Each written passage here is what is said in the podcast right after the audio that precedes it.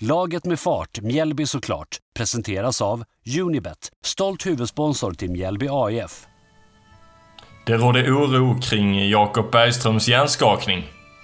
Mjällby, hittills obesegrade under försäsongen 2022. Och vad är mina tankar efter upptaktsträffen för Allsvenskan? Mitt namn är Albert Sernevång. Jag som är producent och programledare för Mjällby AIF Supporterpodd. Laget med fart, Mjällby såklart. Jag önskar dig varmt välkommen till avsnitt 44.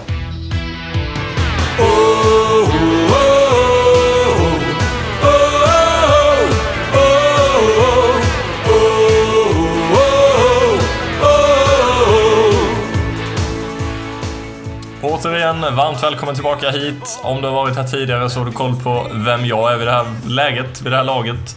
Eh, om du inte har varit inne och lyssnat så kan jag snabbt presentera mig. Jag har varit Mjällby-supporter eh, lite mer frenetiskt sedan 2006-2007 där någonstans.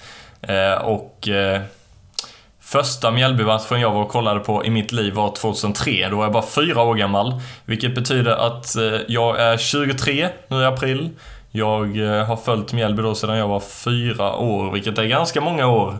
Och eh, en favoritplats att vara på på sommaren när solen skiner och eh, Mjällby gör mål är ju såklart Strandvallen. Förhoppningsvis är ni här av samma anledning som jag, att eh, vi har ett brinnande intresse för klubben Mjällby AIF. Eh, först och främst så eh, vill jag ju tacka för att ni är inne här och lyssnar, men kom ihåg också för att nu när säsongen inte är igång så hoppade avsnitt höger och vänster ifrån eh, som dyker upp här på Spotify. Så följer ni podden och slår på notiserna så kommer ni inte missa något spännande innehåll och något spännande material som, som dyker upp här innan premiären borta mot Elfsborg. Så gör gärna det. Och Spotify har för övrigt något nytt ratingsystem. Så om ni, om ni hittar dit med stjärnor och sådär så får ni gärna ge så många stjärnor ni tycker jag förtjänar helt enkelt. Men detta är ju då en podd mellan far och son. Mitt namn är Albert, det är jag som är son i den här duon.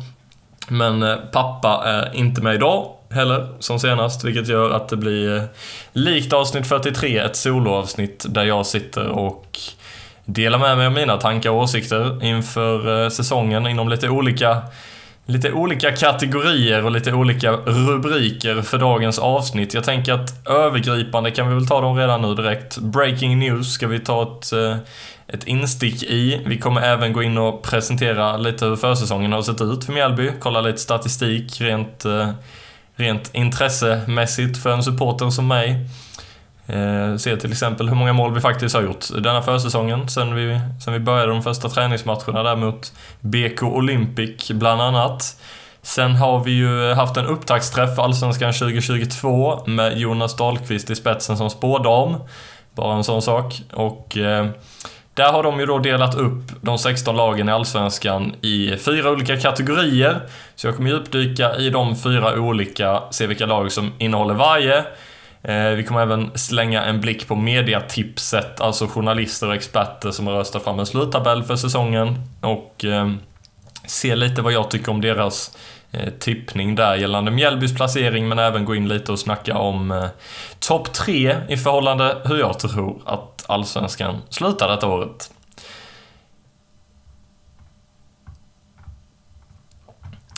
Så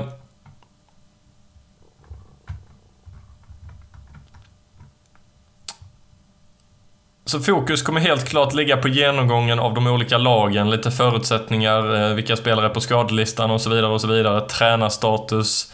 Eh, Brännström var ju med i sändningen och delade med sig lite av sina tankar, hur han har tänkt sig formera sitt Mjällby AIF nästa säsong, eller denna säsongen.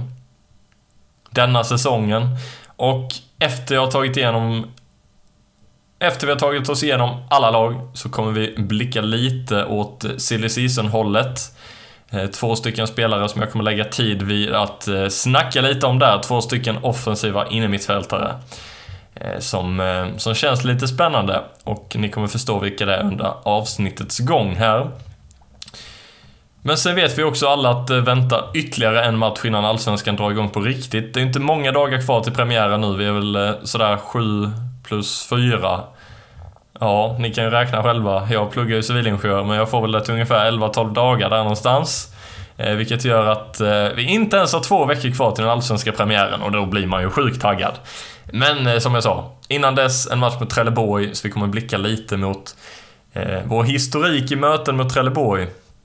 Och det är ju faktiskt eh, en liten fun fact att vi mötte dem även den 26 mars förra året, exakt samma datum eh, i fjol och i år. Så eh, ja, det börjar väl bli en, en vana att möta Trelleborg precis innan premiären.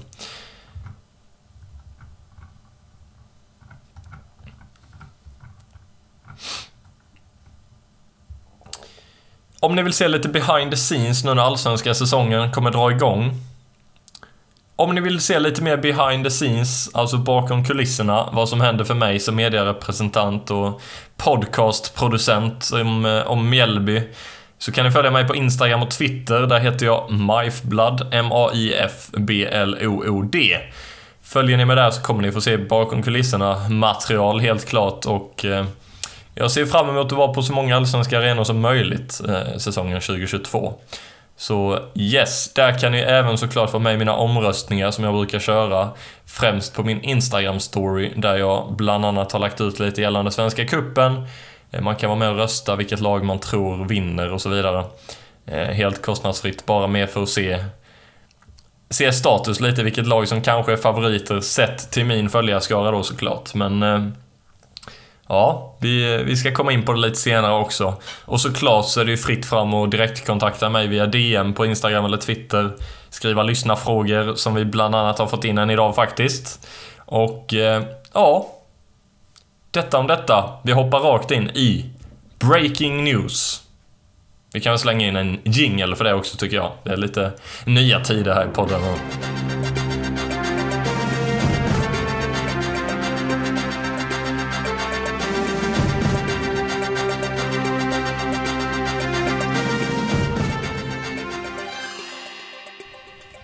Vad har egentligen hänt i klubben sedan sist jag satt här och poddade?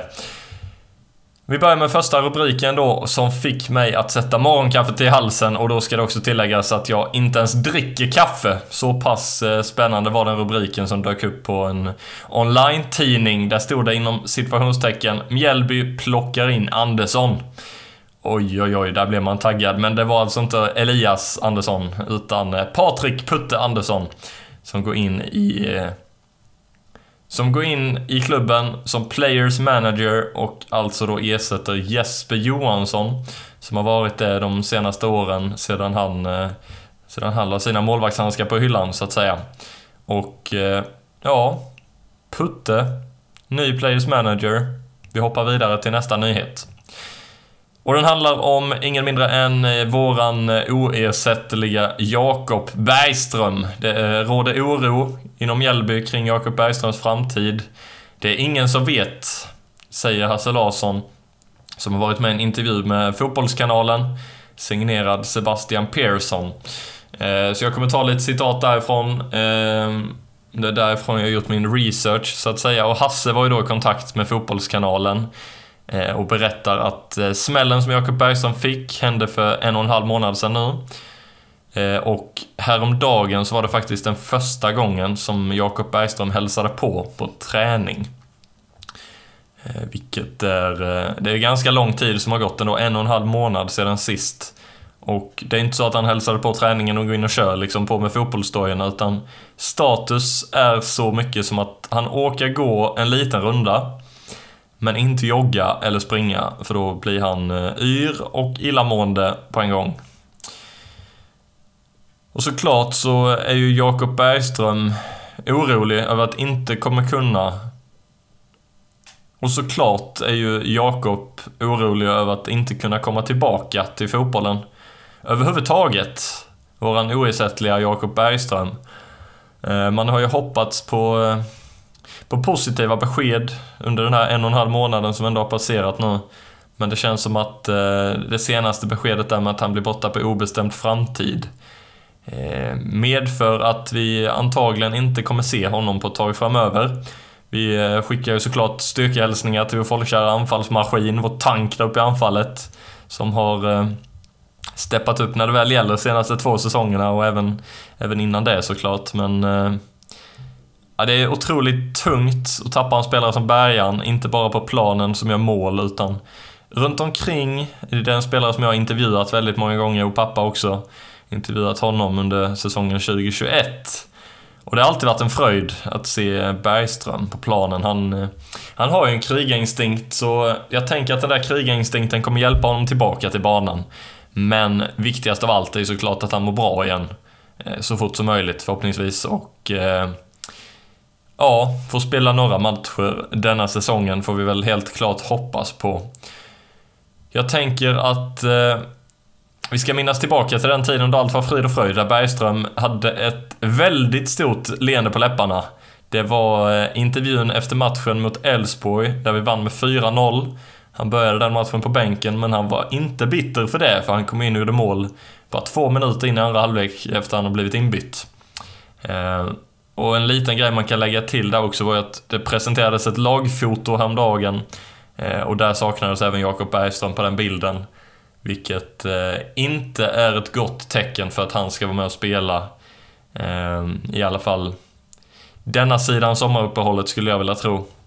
Men med det sagt så rullar vi bandet tillbaka i tiden till då vi vann mot Elfsborg med 4-0 och lyssnar på vad Jakob Bergström tyckte om den vinsten. Ja, jag står här med Jakob Bergström efter segermatchen mot Elfsborg med 4-0. Hur är känslan? Nej, det är ju en skillnad jämfört med förra året. Vi mötte Elfsborg hemma. Då var det väl 5-0 i baken och nu är det tvärtom. Så det var...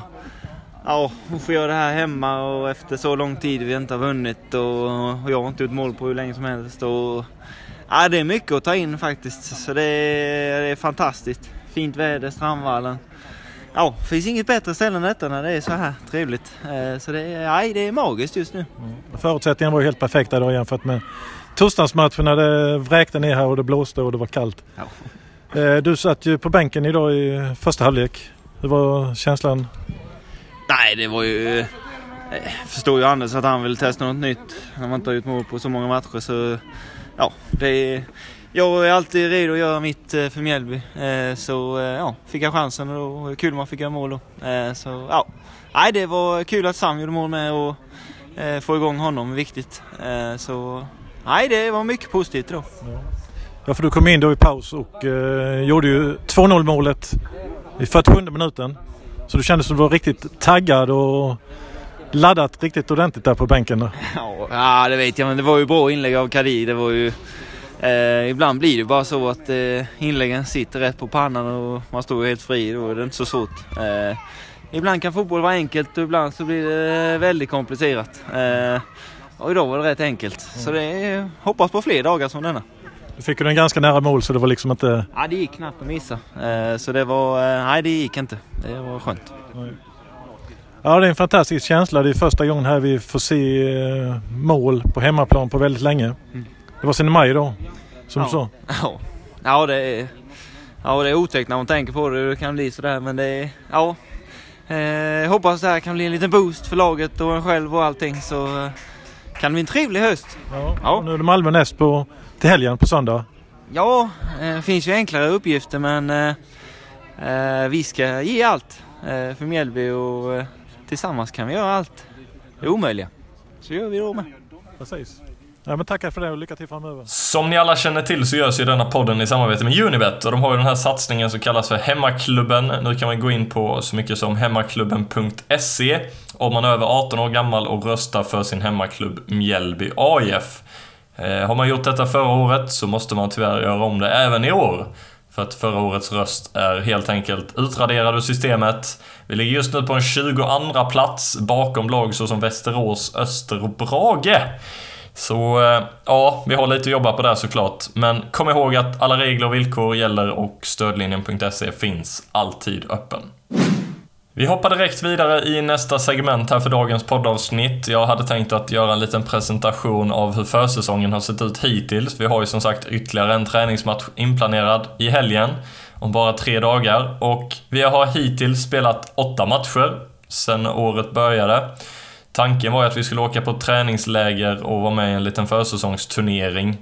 Eh, och spela ytterligare sju matcher på den turneringen tror jag att Carlos Gracia eh, så tydligt sa i en intervju efter cupmatchen mot Göteborg.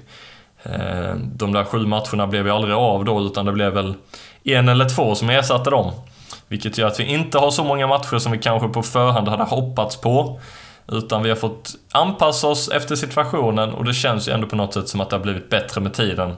Så att eh, vi har spelat en hel del matcher nu, men man vill ju såklart vara 100% redo när Allsvenskan väl drar igång på riktigt.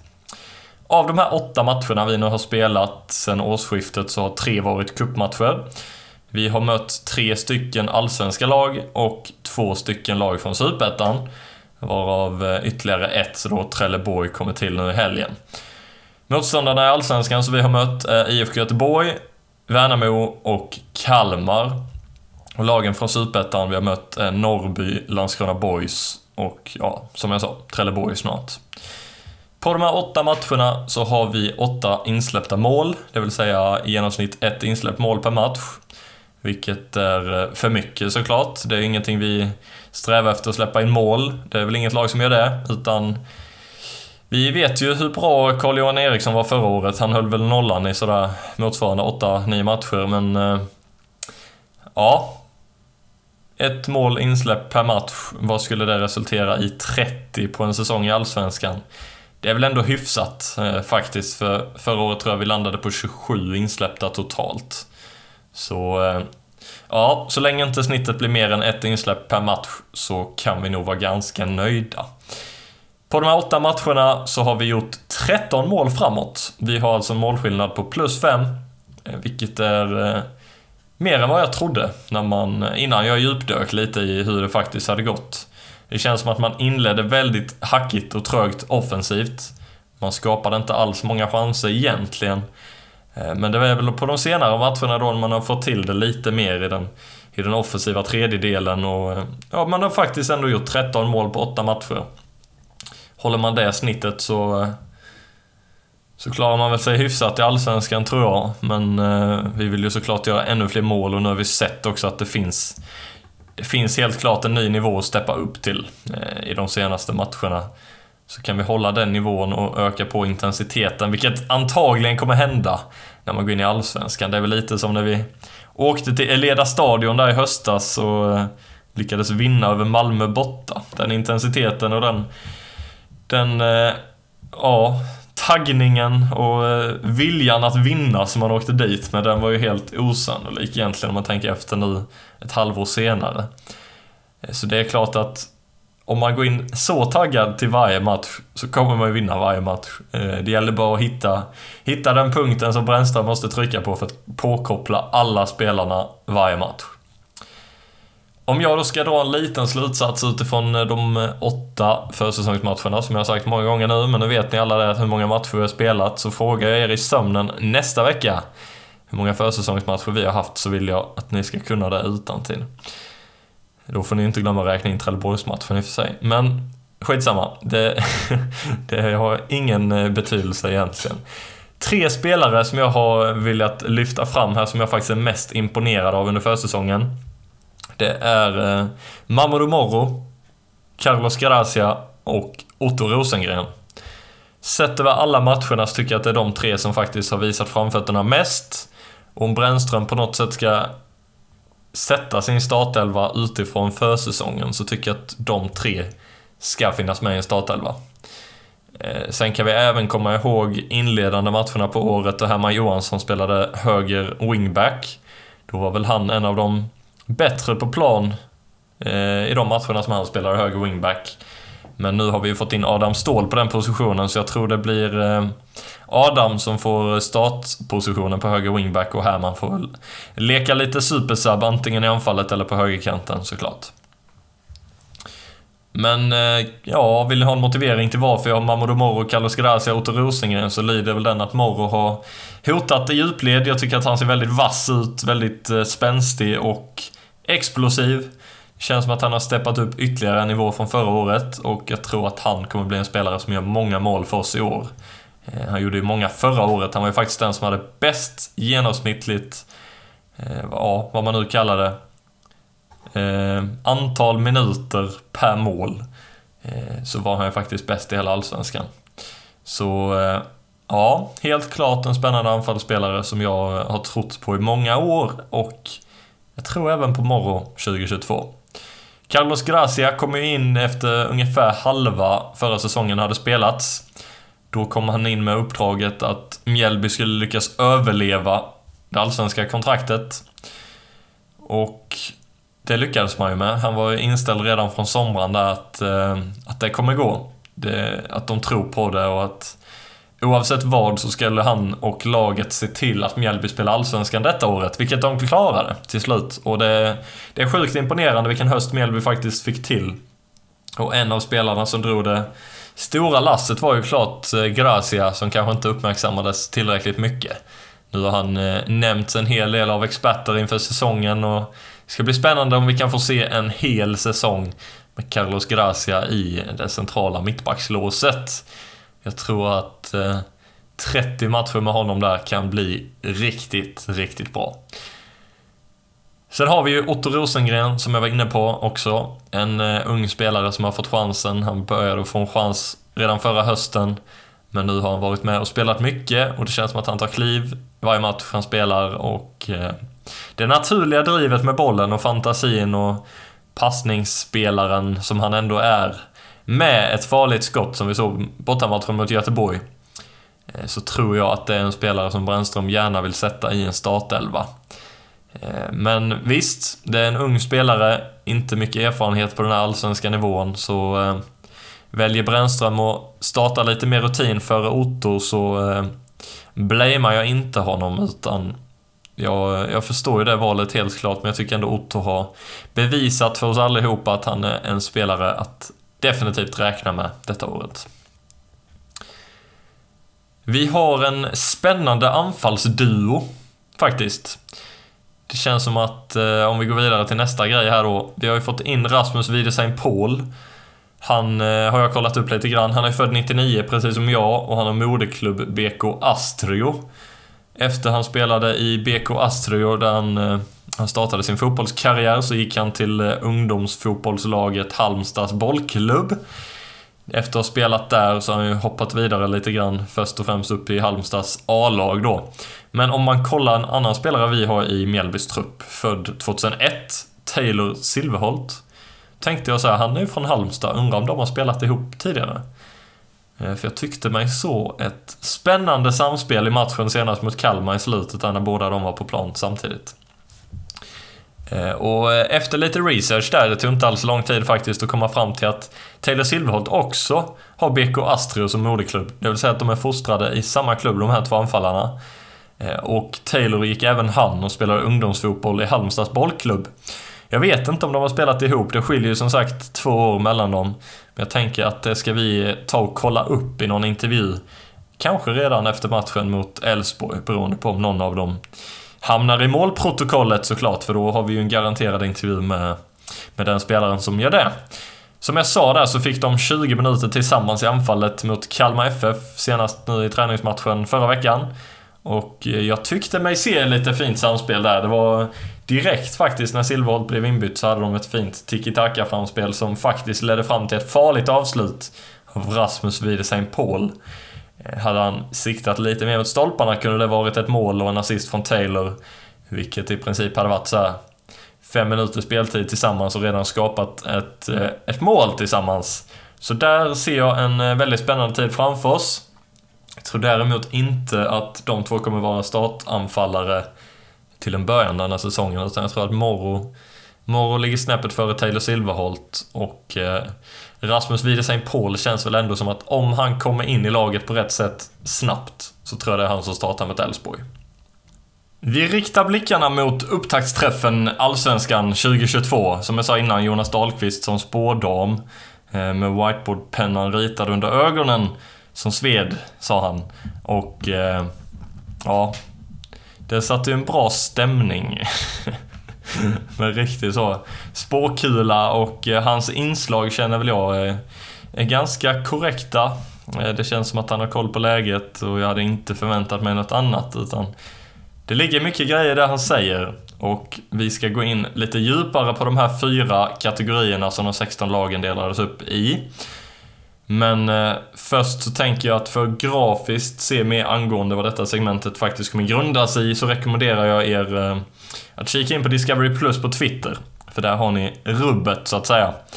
Eh, om det skulle bli svårt att förstå vilken grupp som är vilken. Men jag tänker att jag ska försöka göra mitt allra bästa för att göra det så tydligt som möjligt för er. Eh, och i stora drag så är det ju helt enkelt att jag kommer utgå från deras tips. Vilka lag som hamnar på vilken plats. Eh, och eh, dela med mig av mina åsikter och mina tankar gällande hur de eh, journalisterna och experterna har valt att placera de olika lagen. Exempelvis, en av kategorierna heter Underdogs. Är verkligen alla de fyra lagen Underdogs? Det ska jag också uttala mig om. Favoriter till guldet. Vilka är favoriter egentligen? Finns det en tydlig topp fyra? Eller... Eller finns det lag som kanske hade kunnat bytas ut i den kvartetten? Det kommer helt enkelt nästa segment handla om här nu. Så för att gå till botten med detta direkt nu då. Produktionen har delat upp de 16 lagen i kategorierna Underdogs, Dark Horses, Utmanare och Favoriter. Först och främst tycker jag det är väldigt skumt att man väljer att ha två kategorier på engelska och två på svenska, men det, det är en helt annan sak, en helt annan femma. Underdogs vet vi vad det handlar om. Det är... Eh, det handlar om att slå i underläge helt enkelt, att att man överträffar förväntningarna. Dark Horses är väl lite mer otydlig kanske. Jag har googlat och även eh, försökt nå Jonas Dahlqvist om en, en rimlig definition på det uttrycket. Eh, vad jag hittade på Google var att “People know very little about them, yet still they can make an unexpectedly good showing”. Och även en annan definition då, “Being judged unlikely to succeed”. Vilket vi eh, vilket vi förstår då helt plötsligt att det är en Dark Horse och enligt Jonas, när jag frågade honom, så tyckte han att det var ganska självklart att man ser skillnad på en underhund och en mörk häst. Så eh, det var hans tydliga förklaring. Nästa kategori med fyra lag är utmanare och den sista kategorin kallas favoriter. Media har gjort sitt så kallade mediatips ännu ett år. Det är journalister och experter som tillsammans då alltså har röstat fram en, eh, en sluttabell för säsongen 2022. De har valt att sätta topp 3 i eh, ordningen Malmö FF, AIK, Djurgårdens IF. Mjällby placerades på en tolfte plats och eh, jag kan väl tycka lite spontant att det är i underkant. Men även att det kanske bara är bra faktiskt, för att då kan vi fortsatt slå i underläge. Och vi kommer ha allt att vinna mot de stora lagen, precis som vilket år som helst. Men vi är ju alltså inte längre klassade som underdogs. Utan vi har eh, snäppet mer att bevisa i och med att vi ligger i kategorin Dark Horses. Åker ut, tror mediatipset, att GIF Sundsvall och Helsingborgs IF gör. Och det stämmer väl överens med Ja, i alla fall Helsingborg har jag längst ner på min lista och de tror jag får det tufft av olika anledningar som vi kommer komma in på lite senare här och GIF Sundsvall eh, likaså. Jag kommer snacka lite mer om dem. Jag hade dem på kvalplats i min tippning men på grund av det som har hänt nu på senare tid så tror jag också att Sundsvall, Giffarna, kan få det tufft att hålla sig kvar även till en kvalplats. Axén satt ju med i studion i denna upptaktsträffen och han har tippat Mjällby på en tionde plats. Men enligt mig så kommer Mjällby landa på en sjunde plats. I alla fall om man baserar min tippning på det som jag kom fram till i poddavsnitt 36. Som jag spelade in för två månader sedan nu. Och jag är ju enig med Axén gällande en ganska tydlig topp 6. Han säger att där har vi en hård linje, lagen över topp 6. Eh, och under är ganska klara, men ordningen på de eh, lagen över och under strecket kan vara lite hur som helst. Han tror att nykomlingarna får det svårt och eh, det beror då på lite olika anledningar som jag sa och de kommer vi komma in på lite senare. Jag tror däremot att Degerfors, även de, slutar på nedflyttning, men eh, som jag sa där, Hallenius skadad i eh, GIF Sundsvall. Det minskar ju drastiskt deras chanser om att hålla sig kvar och säkra ett nytt kontrakt. Jag ser att klockan rinner iväg här lite. Jag har eh, svamlat på rätt bra, så denna podden kommer faktiskt delas upp i två delar, inser jag nu. Men jag kommer gå in och avsluta dagens avsnitt med att gå igenom min topp 3 med tillhörande motivering till alla de topp 3-lagen. Eh, och lite jämförelse då såklart med mediatipset. Men sen kommer vi spara kategorierna underdogs, dark horses, utmanare och favoriter till eh, nästa avsnitt. Vi ska även då i nästa avsnitt kolla lite närmare på Silly Season som jag nämnde i början på avsnittet. Så vi kommer liksom bara klippa rakt av och sen börjar nästa avsnitt direkt då, avsnitt 45. Så efter ni har lyssnat på detta får ni jättegärna gå rakt in i avsnitt 45 och fortsätta lyssna på, eh, på själva fortsättningen av avsnittet kan man väl ändå säga. Och i avslutningen på nästa avsnitt blir även eh, snacket om Trelleborgs-matchen. Och lite tippning gällande den. Men nog snackat. Eh, min topp 3 den ser ut som följande. Djurgården på första plats, SM-guld. Andra plats hittar vi Malmö FF och tredje plats hittar vi AIK. Nu var ju detta ett tag sedan då som sagt och man hade ju kunnat ändra ordningen på de här tre lagen varje dag sedan eh, två månader sedan när jag satte den. Men eh, ja, jag tror faktiskt stenhårt på att det här kommer vara lagen i topp tre i alla fall. Sen ordningen på dem kan ju skiftas runt som sagt. Men eh, Ja, som man brukar säga, sagt ord och kastad sten kan inte tas tillbaka. Eh, om, eh, om det är någonting man säger överhuvudtaget. Men det kanske är vanligare att säga att eh, lagt bett ligger i detta sammanhanget nu för tiden. Så jag står självklart fast vid min två månader gamla tabelltippning och i ordningen Djurgården, Malmö, AIK har vi årets topp tre. Djurgården eh, bör vi motivera såklart hur de ska kunna ta hem guldet. Och jag tycker att med Bosse Andersson i spetsen så har de gjort ett helt galet transferfönster. Eh, men osäkerheten hos mig just nu är väl så lite om frågan är om det inte har blivit för stjärnspäckat. Nu när soppan väl ska kokas ihop. Att det blir för mycket av det goda eh, känns det lite som och det betyder oftast inte att det blir ett att det blir ett direkt bättre resultat utav det utan det kan ju faktiskt bli sämre om man har för mycket av det goda också för Ja, jag vet inte om ni har testat det, men testa i så fall att baka en kladdkaka med 3 deciliter vaniljsocker istället för 3 teskedar. Då kan jag säga att det blir pannkaka av alltihop. Eh, eller ja, det blir väl kladdkaka fortfarande kanske, men inte, inte en ren, ren och skär pannkaka. Men eh, det blir för mycket av det goda helt enkelt. Eh, jag ska hålla ner lite på mina metaforer här nu känner jag det spårar iväg. Magnus Eriksson. Nyheter kring honom är att han har åkt på en hjärnskakning. Och man vet inte hur länge han blir borta. Det var ju spelaren som blev utsedd till Most Valuable Player 2021 i hela Allsvenskan. Och det är ju klart ett tungt tapp av Djurgården. Håller man inte honom på planen i varje match så tror jag inte lika starkt på att det faktiskt är de som eh, tar hem eh, pokalen, eh, SM-guldet, detta året. Men samtidigt så öppnar ju det faktiskt upp en chans på mittfältet till Elias Andersson. Djurgårdens nuvarande spelare nummer 8. Förra året spelade han ju för oss, inlånad med nummer 96 på ryggen, Elias. Eh, men det öppnar ju såklart en chans då för lite mer speltid till honom. Och det är ju negativt ur vår synvinkel som Mjällby-supportrar att det antagligen då minskar våra möjligheter att låna tillbaka honom.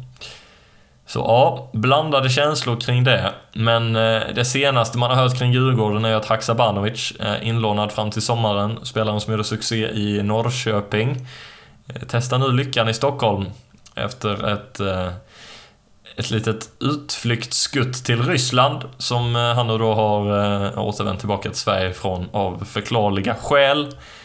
Och jag tror att Djurgården har ett spännande lag, men det känns lite som att det, det ligger på gränsen och risken är att det blir för mycket av det goda helt enkelt. Vi hoppar vidare till laget som jag har satt på en andra plats. Malmö FF är laget och eh, de har imponerat på mig i kuppen faktiskt. Främst om man kollar matchen mot AIK som de spelade på hemmaplan. Eh, där kändes det som att det var väldigt hög intensitet, de har många duktiga spelare och ja, det är ju helt klart ett lag som har ett försprång gentemot de andra. Och det snackas ju om att om inte Malmö tar guldet så är det ett misslyckande. Men man får inte glömma att det, det har hänt en hel del i Malmö också. Antagligen dock till det bättre för klubben. Att det skulle vara ett bättre lag på pappret detta året än förra året till och med. Men eh, lite nyheter kring Malmö då. Toivonen, han är tillbaka efter 10 månaders skadefrånvaro. Så det är ju en spelare som eh, helt klart kommer bidra detta året i Malmö till en hel del poäng, tror jag. Man har också precis nu i dagarna fått in ett nyförvärv i form av landslagsmannen Kiese Thelin på ett eh, långtidskontrakt faktiskt på flera, flera år som då ska ersätta Colak rakt av, tänker jag. Sen håller man ju kvar Bivancevic och eh, och väldigt många andra spännande spelare såklart. Och man har många defensivt duktiga spelare också som har förstärkt Malmös trupp senaste tiden. Men en spelare, om man ska kolla lite utropstecken i deras trupp, tror jag är Peña. Eh, det känns som att han har steppat upp de matcherna man har sett Malmö hittills i år. Och han kom ju in lite hastigt och lustigt förra året och kom väl inte riktigt upp i sin fulla potential. Så jag tror eh, Peña blir en spelare som kommer ta kliv denna säsongen. Och kanske också vara en direkt orsak till att Malmö lyckas utmana om, om guldet hela vägen in i slutstriden. Det nämns ju i upptaktsträffen här att Malmö i princip skulle kunna ställa upp i Allsvenskan med två olika startelvor. Vilket är ganska sjukt när man tänker efter. Eh, och prestera på hög nivå med båda två liksom. Komma högt upp i tabellen, definitivt på den övre halvan med båda. Eh, och det känns ju lite som, precis som Milos Milojevic säger där, att man har dubbla väletablerade duktiga spelare på varje position. Eh, vilket han kallar ett lyxproblem. Och eh, Risken med det är väl alltid att det kan bli ett missnöje i truppen, att man har en gigantisk trupp där många spelare förtjänar speltid i Allsvenskan. Men ändå då att Milos måste välja ut vilka elva som ska göra det. Match efter match. Som han också är inne på där så kommer Europaspelet igång efter sommaruppehållet. Eh, och då kommer man ju behöva rotera lite mer. Så det gäller ju att han, att han inte skapar missnöje i truppen innan det är dags för att börja rotera spelare. För eh, om han får ordning på grejerna så att säga, då, då blir Milos och Malmö FF riktigt farliga, även i år. Vi hoppar vidare till laget som jag har valt att placera på en tredje plats i min tippning. Det är mycket snack om eh, ett nyförvärv till AIK, nämligen John Guidetti. Han eh, kan ju tänkas vara en möjlig ersättare till Goitom som har lagt skorna på hyllan, tänker jag. Eh, och frågan är då om han är den sista pusselbiten som AIK behöver. Som eh, pricken över i eller körsbäret på moset, eller vad man nu säger. För att på riktigt faktiskt kunna utmana då förra årets svenska mästare Malmö FF i kampen om guldet. Nu har jag ju eh, Djurgården som tippade etta här, men Malmö är ju faktiskt mesta mästare. Och eh, det är alltid ett lag som förväntas ta guldet. Men vi har ganska många spännande lag som utmanar här nu. Trippel A, batteriet som Jonas Dahlqvist kallar honom, hade ju sagt eh, att eh, han ser väldigt spännande ut den här trippel A. Och vi är ju många som tror att eh, han kommer bli ett utropstecken för AIKs offensiv detta året. Man har även kvar Stefanelli eh, och en hel del andra spännande spelare och sen får man ju absolut inte glömma bort alla inslagen från lustiga landslagsveteraner som, som aldrig kan underskattas i deras trupp. Sebastian Larsson på mitten, Ja, Mikael Lustig på högerbacken, Nordfält i målet. Ni hör ju själva, det finns eh, mycket spännande kring AIK och Solna-klubben. Eh, de spelar även på Friends Arena som ni alla känner till. Och, ja, kan man ta sig dit och kolla på bortamatchen så hade ju det varit nice, tänker jag, på nationalarenan. Men, eh, ja, Gudetti, om han skriver på, då tror jag AIK har ännu större chans att utmana om guldet. Signar han inte så tror jag eh, AIK hamnar på den platsen som jag har satt dem här, topp tre då. Tredje plats. Det kommer vara allt för del 1 av dagens poddavsnitt. Vi kommer fortsätta här nu i, i poddavsnitt 45 att gå in på nästa kategori som är underdogs med lagen Värnamo, Sundsvall, Helsingborg, Degerfors. Därefter gå in på lagen Dark Horses, kategorin Kalmar, Varberg, Sirius och Mjällby. Och sen eh, gå vidare till lite utmanare, som jag sa tidigare, de resterande lagen i Allsvenskan så att säga. Men det kommer vara allt för nu. Vi hörs i poddavsnitt 45 om en liten, liten stund. Tjena! Denna podden görs i samarbete med Unibet och man kan ju redan nu se lite vinnarspel för säsongen 2022 och om vi då blickar mot att Mjällby skulle lyckas sluta topp 8 i årets allsvenska så är oddset för det 3,50 gånger pengarna. Men kom ihåg, för att vara med och delta så måste du vara över 18 år. Regler och villkor gäller på Unibet som alltid och stödlinjen.se finns alltid öppen. Den här podcasten presenterades av Unibet